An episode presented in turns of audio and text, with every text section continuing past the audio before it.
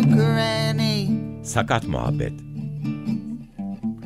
Where did your husband, my granddaddy, go? Sağlamcı zihniyete kör topal bir muhalefet.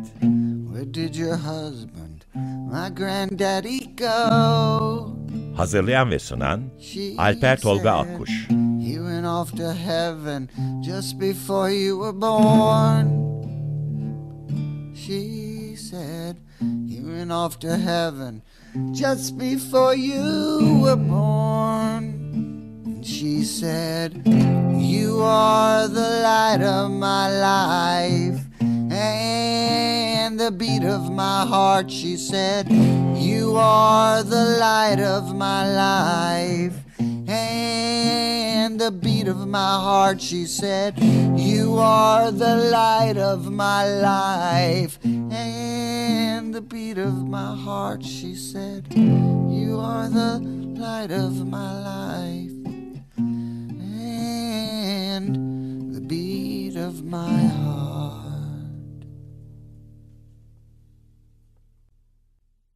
Merhaba, Açık Radyo'ya, Sakat Muhabbete, Sağlam Zihniyet'in Kör Topal muhalifine hoş geldiniz. Ben Alper Tolga Akkuş. Bugün 24 Ekim 2023 Salı. 57. yayın döneminin son programındayız. Ve bu hafta karşımızda bugüne kadarki programlarda sık sık hem mekanın hem kendisi adını andığım Ulaş Bayraktar'la beraberiz. Ulaş, hoş geldin Açık Radyo'ya. Hoş Bir bulduk. kez daha nasılsın, iyi misin? Teşekkür ederim. Çok iyiyim. Açık Radyo'da olmak ses olarak bile çok iyi geliyor. Seni zaten tanıyordur dinleyenlerin çoğu. Çünkü sen Kütüphane'yi de anlattın. Çoğu zaman konuk da oldun Açık Radyo'ya. Ben de hep bu yayın döneminin son programlarında böyle yakın arkadaşlarımı konuk ediyorum zaten. Bir de yayın döneminin son programı dedim ama bundan sonraki yayın döneminde de Sakat Muhabbet devam edecek. Ama günümüz ve saatimiz değişiyor. Çarşamba günü 4.30'da artık karşınızda olacağız. Gündüz Demircioğlu hafta destekçimiz. Onun bir adını alayım. Teşekkür ederim kendisine. Ulaş Bayraktar kimdir? Onun aslında asıl giriş yapalım. Ulaş Bayraktar bir sosyal bilimler esnaf ve zanaatkarıdır aslında. Yani bir böyle bir bulmaca çözme hevesi gibi e, sosyal bilimlerin özellikle siyaset bilimi ve kent alanındaki farklı mevhumları, sorunlarıyla oynamaktan hoşlanan, buna dair bilgileri derlemeye ve bunları paylaşmaya çaba gösteren kendi halinde bir sosyal bilim esnafı. Bu arada üniversite KYK durumu vardı. Geri döndün. Döndüm, o nasıl bir evet. süreç? Şu an derslere giriyor musun? Bir, O aradan sonra nasıl hissediyorsun? Nasıl oluyor? Ben akademisyenler daha iyi biliyordur ama bunu. O ara nasıldı? Şimdi nasıl? Yani üniversite, üniversite. Şimdi bugün Boğaziçi Üniversitesi'nin emekli hocalarının da üniversiteye alınmama kararını gördüm. Ve hani bir takım hocalar ismen men edilen hocalar dava açmışlar. İdari mahkeme bu uygulamayı durdurmuş. Bunun üzerine rektörlük topyekün hiçbir emekli hocanın gelmesine girebilme hakkını elinden almış. Bu şu açıdan önemli yani üniversite kelimesinin kökeni universalise, evrenselliğe gidiyor. Evet. geliyor. Ve sen şimdi zaten Türkiye'deki üniversitelerin kapısı, nizamiyesi, kimlik kontrolü, turnikesi var. O bile yadırgarken, yadırgarken bir de böyle eski hocalarına bile tahammül edemeyen bir, bir zihniyet üniversitelerin özeti sanırım. Yani bu Türkiye üniversitelerine özgü bir cebir faaliyeti ama onun ötesinde üniversitenin de bir kurum olarak çok da ömrü kalmadığını düşünüyorum. Şimdi Çıkart Muhabbet'te siz ne konuşuyorsunuz diyordur dinleyenler. Bu engelli kentler, kent hastanesini de bir kısaca anlat. Sonra engelli kentler programı 7 Ekim'deydi. Daha önce engellere yönelik bir içerik oldu mu hasathanede? Yani Hem o hem de bu nasıl oldu? Kent Rasathanesi'ni bundan 2-3 yıl önce sanırım 3 3 yılı ol- buldu sanırım. Böyle bir takımdan ayrı düz koşu diyordum. Hani zaten üniversitede verdiğim dersleri, ilgilendiğim konuları böyle bir ritimde, bir disiplinde e, ilgilenmeye devam etmek için kendi kendime yarattığım bir vesile. Amaç da şu, Türkiye'de ve dünyadaki kentsel politikaları, kentlerde olup bitenleri böyle kısa bir video haline getirmekti. Engellilerden bahsettiğim bölümler oldu. İlk başlarda daha tematik gidiyordum. Bir temayı inceliyordum. Daha sonra onu daha güncel yapmaya başladım ve daha eklektik yani ilginç, dikkatimi çeken, ilham veya ders almamız gereken bir takım örnekleri farklı konularda yapıyordum. Bu engelli kent hikayesi birazcık daha yoğunlaşmış bir şey oldu. İşte bir iki haber gördüm. Bunun üzerine biraz daha arayıp dünyadaki farklı uygulamalara bakmaya çalıştım. Aslında bu bu kent yani hep böyle o benim çok aklımdadır. Bir böyle dost belediyeciliği diye. Şimdi terbiyemi bozmayayım başka bir tabir kullanıyordum ama dost belediyeciliği diye bir mevhum var. Anlamakta zorlandım. İşte engelli dostu, genç dostu, çocuk dostu, kadın dostu, yaşlı dostu falan diye böyle. Zaten belediyenin sorumluluklarında olan hizmetleri, anlayışı sanki matah daha ekstra bir şeymiş gibi sunmayı pek anlamıyorum ben. Bunlar zaten yapman gereken şeyler. Ona dair bir çabaydı. Onu birkaç haber gördüm. İşte Datça'da Dilek Hanım'ın yaptığı hikayeler, sonra Şişli Belediyesi'nin yeni kaldırımları, işte bir takım Amerika'daki farklı uygulamalar falan derken öyle kısa bir bölüm oldu zaten. Amaç ama bütün kent rasathanesindeki derdimiz biz biraz Türkiye'de sorunlarımızı kanıksıyoruz. Ve kanıksadığımız için de onların sanki kadermiş gibi olduğuna dair bir anlayışa evriliyoruz. Oysa hani e, Türkiye'deki kentlerin sorunlarıyla başka bir yerdeki kentlerin sorunları çok ayrışmıyor. E, ama biz bazı şeylere öncelik veriyor muyuz, vermiyor muyuz? Yani bir kaldırıma defalarca yapılan kaldırıma verdiğimiz özeni, harcadığımız emeği ve parayı başka kanallara ay- ayırsak belki çok daha yaşanabilir. Evet birazcık kaldırımlarımız bu kadar e, şıkır şıkır olmayacak ama daha yaşanabilir bir şey olacak. Bu zaten şimdi engelli kenti sadece engelliler özelinde de düşünmemek gerekiyor. Yani biz baktığında bir engellinin sorunuyla bir yaşlının, bir işte e, topuklu ayakkabıyla yürüyenin veya işte e, çocuk arabası itenin de sorunları bir yerlerde aynı şey olmamakla birlikte hareketini zorlaştıran bir faktör. Bu anlamda yani hareketi engelleyen ve bir, bir refah, bir konfor sunmayan kentler aslında bu sorun bize ait değil. Bu kentin bir engeli olduğuna, kentin bir eksiği olduğuna dair bir o kent diye tarif ettiğimiz organizma olarak görüyorum. O organizmadaki bir takım sorunları işaret ediyor. O yüzden bir engelli kent yani engelli dostu kent değil. Hani sen sen kendi engellerine bir bak önce başka engellilerle dost olmaya çalışmaktansa. Bu dost belediyecilik kavramı Türkiye'ye mi ait yoksa uluslararası bir şey midir? Onu Yok genelde uluslararası şeyler var. Yani onun da Nedir şu onun, e, evrensel Türk İngilizce bir ismi var mı? Friendly diye geçiyor işte yani child friendly işte e, e, e, disabled, disabled friendly. friendly. Bundaki şey şu yani uluslararası örgütler var bunu yapan bir takım minimum standartlar belirliyorlar. Yani bir bir şeyin çocuk dostu olması için nelere dikkat etmek gerekir? E, işte yaşlı dostu olması için nelere dikkat etmek gerekir? Ya da hangi olanaklar sunulur gibi bir takım standartların şey yapıyor ve sen o kurum tarafından akredite olabiliyorsun. Ya da sen bunu bir politik vizyon olarak ortaya koyuyorsun. Ben çocuk dostu olacağım diye bir hedefle gidiyorsun. Peki yani mesela Çittaslov'un bir şeyi var yani bir yere başvuruyorsun. İtalya'ya işte Oslov şeyine. Çittaslov'sun diyor. Bu dost belediyeler içinde bir yer tamam sen busun diye bir şey veriyor mu? Bir hepsinde şey hepsinde olup olmadığını bilmiyorum açıkçası. Sadece hani bir takım kriterleri karşılarlarsa bir böyle bir bir bir, e, bir label veriyor. Veren kim? Hepsinin örgütleri var. Yani işte Çocuk Dostu Kentler Birliği, ha, işte yani. tarih tarihi Kentler şey Birliği. bir şey değil de yok, yok. kendi onların bir takım şeyleri oluyor işte. Yani normalde e, biz hep yerel yerel ve bölgesel yönetimler özellik şartına atıf yaparız Avrupa Komisyonu için. Ama Avrupa Komisyonu'nun kentsel şartı da vardır. Kentsel şartın ek protokolü de vardır. Onlar bir kentin yani kent hakkı olarak tarif ettiğimiz e, imkanların e, bir şeyini çıkarırlar. Ama Avrupa Konseyi, Avrupa Birliği böyle burası e, engelli engelli dostu, burası çocuk dostu bir şey yapıyor mu bilmiyorum. Sadece bu bir, bir takım uluslararası sivil toplum örgütleri var yani, bunu yapan. Yani engel dostu olan bir şehir ben oldum diye açıklamaya şöyle bir şey denk geldin mi? Şimdi? Var tabii onlar hani böyle Türkiye'de tabii, tabii. Türkiye'de ya. yok. Türkiye'de yani işte bu Datça o yüzden e, enteresan Olmuş bir örnek. Yok yok öyle bir şeyi yok onların bir bir ünvanı yok. Ya onların haberlerin detayını da müzikten sonra detaylı gireceğim zaten ama şimdi kavramları konuşuyorum Anladım. zaten daha çok. Yani Türkiye'de öyle bir şey yok. Yani Tarihi Kentler Birliği vardır. Onunla o akreditasyonu şey yapan. Onun haricinde e, yok. Ya mesela cesur belediyecilik diye bir şey var. Bunlardan bağımsız olarak böyle o da evrensel. Fearless, e, Fearless City diye. Fearless da cesur demek değil aslında yani. Tam Korkusuz yani ama oradaki korkusuzluk da böyle kafa kafa kol giren değil. Yani bir takım aslında tabu olarak tarif edilen işte göçmenleri göçmenleri alan, işte LGBTİ örgütlere kucak açan falan onları şey yapıyor ama o da bir örgüt değil yani sadece ama haritaya baktığında e, Türkiye'den bir takım kentler var. Şimdi yoktur herhalde yani kayyum olduğu için onlar... E, Senin akademik alan kent ben kent kent kent, Kent siyaseti yani. çalışıyorum. Yani Hatta onu da sakat muhabbetini tam danışacağı kişisin yani. Bir şehir sakatlara uygun olması için ne olması gerekiyor soracağımız isimlerden birisisin. Doğru mu? Hayır, Fark bu, bu, ediyorum. bu soruyu bana sorsan cevap veremem. Çünkü bu, bu zaten hikaye de o. Böyle bu tür evrensel sorunlara cevap vermeye muktedir tek kişi varmış sanıyoruz biz. O da belediye başkanı. Yani belediye başkanı bütün bunlardan anlayan birisi değildir aslında.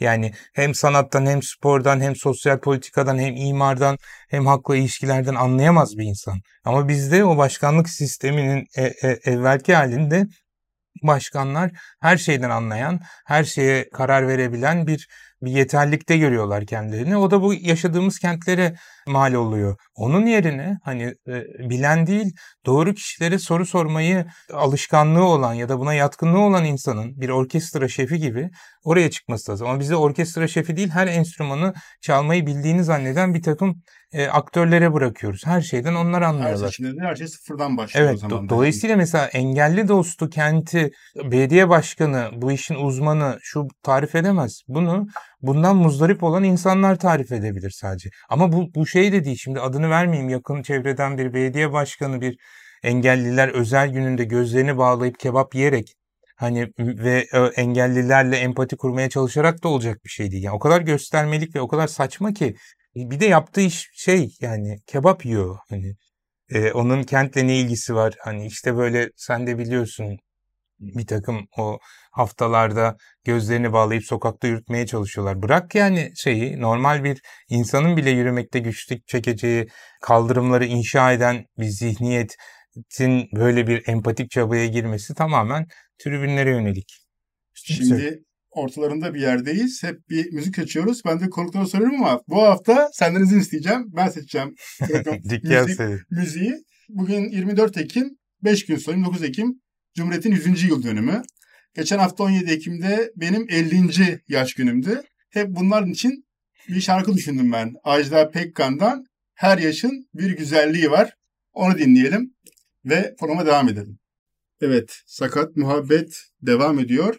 Ulaş Bayraktar konuğumuz 7 Ekim'de Kültürel YouTube kanalındaki Kent Hastanesi'ndeki onu da tıklayıp bakabilirsiniz programa. Engelli kentleri konuşmuştu ve 4-5 tane konu belirlemişti orada Ulaş.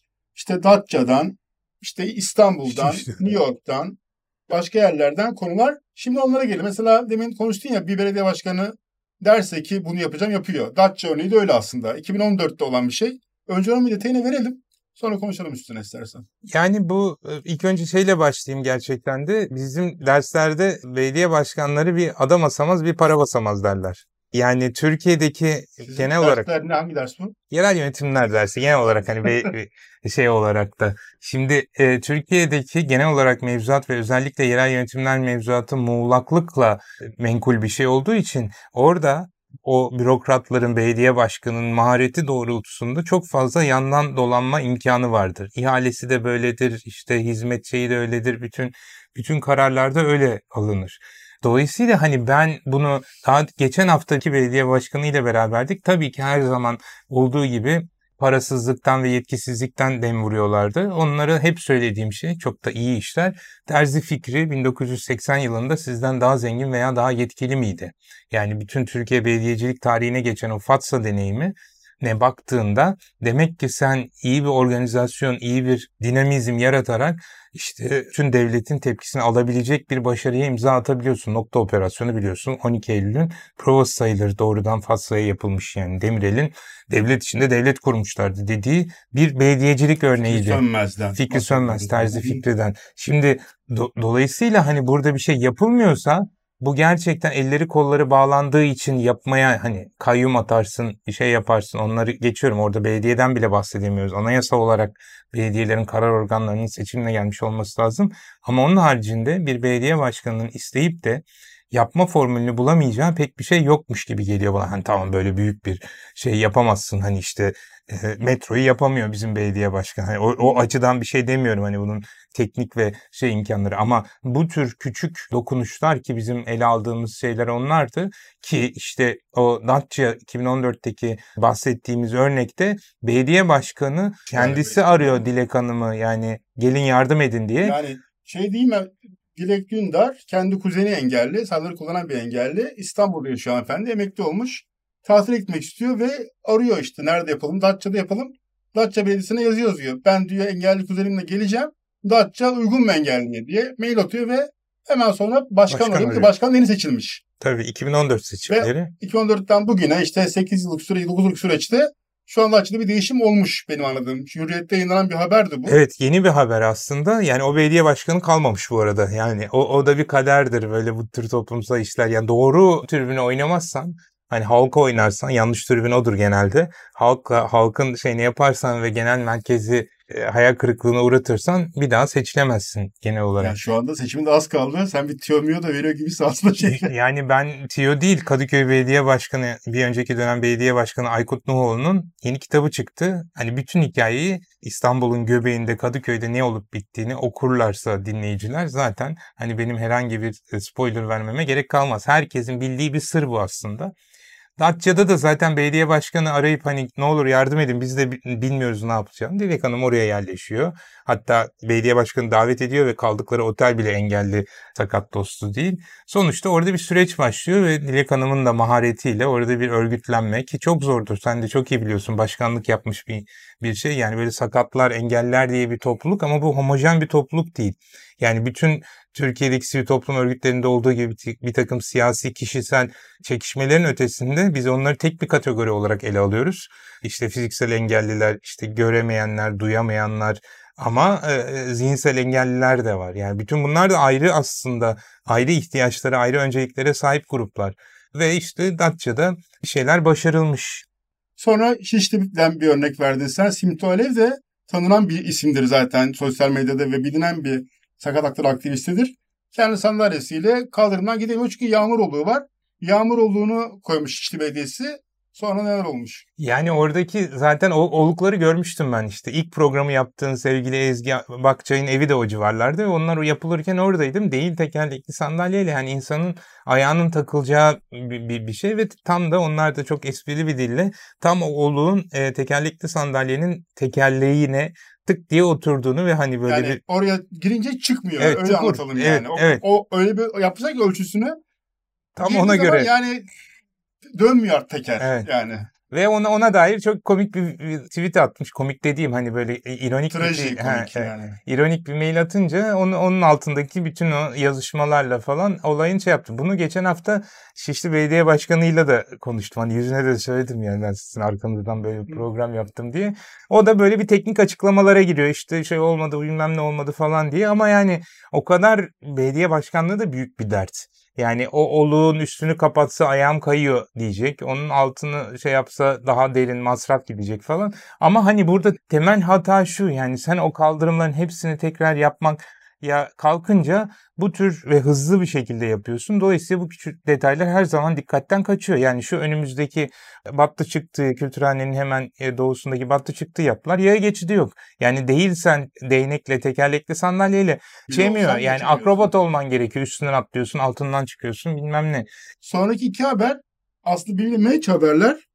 Birisi Türkiye'deki metroda görme engelliler eylem yapıyorlar. İşte biz raylara düşüyoruz. Zaten biri düşmüş galiba 2020 Evet, yılında. Vefat etmiş Allah rahmet eylesin. Bir de New York'tan haber var. Orada da bir app yapıyorlar.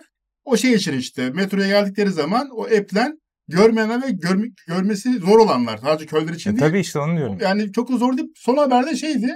Amerika'daki Engellilere engeller. uygun yapmanın maliyeti Evet. o kadar da değil. Evet yani onu böyle yani. gerekçelendiriyor. Bunun maliyeti, bunun zamanı, bunun zorluğu falan. Yani biz böyle bazı şeyleri bunlar olağanlaşınca ancak aslında ne kadar kolay olduğunu anlıyoruz. Hani belli bir mesafe ilk gittiğinde hep öyledir ya bir yere gitmek daha uzun sürer dönmekten.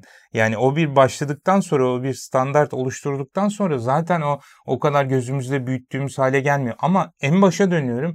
Bütün bunlar bir zihniyet meselesi. Yani ayrımcılık dediğimiz şeyin sadece bir takım politik etnik gruplar için geçerli olmadığını, birisine dilini konuşturmamak, birisinin işte belli bir düşüncedeki e, fikrini açıklamamasına engel olmakla bir insanın hareketliliğini sınırlandırmak, bir insanın konforunu daraltmak aslında aynı ayrımcılığa gidiyor.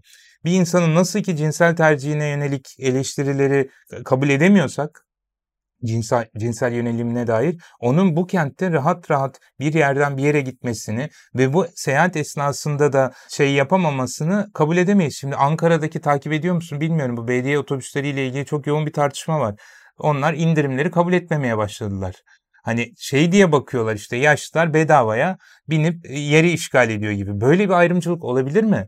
Yani bunu ondan sonra işte onlar da bilmesin. Öğrencilere zorla iki, iki şey bastırıyorlarmış. Şimdi sosyal devlet diyorsak bunlara da hele hele toplumcu belediyecilik diyorsak bunların da şey yapılması lazım. Göstermelik değil ama yani baktığında işte rasathanede konuştum galiba. Mersin'de bir takım şeyler vardı. Ortada engellerin geçeceği bir geçit var.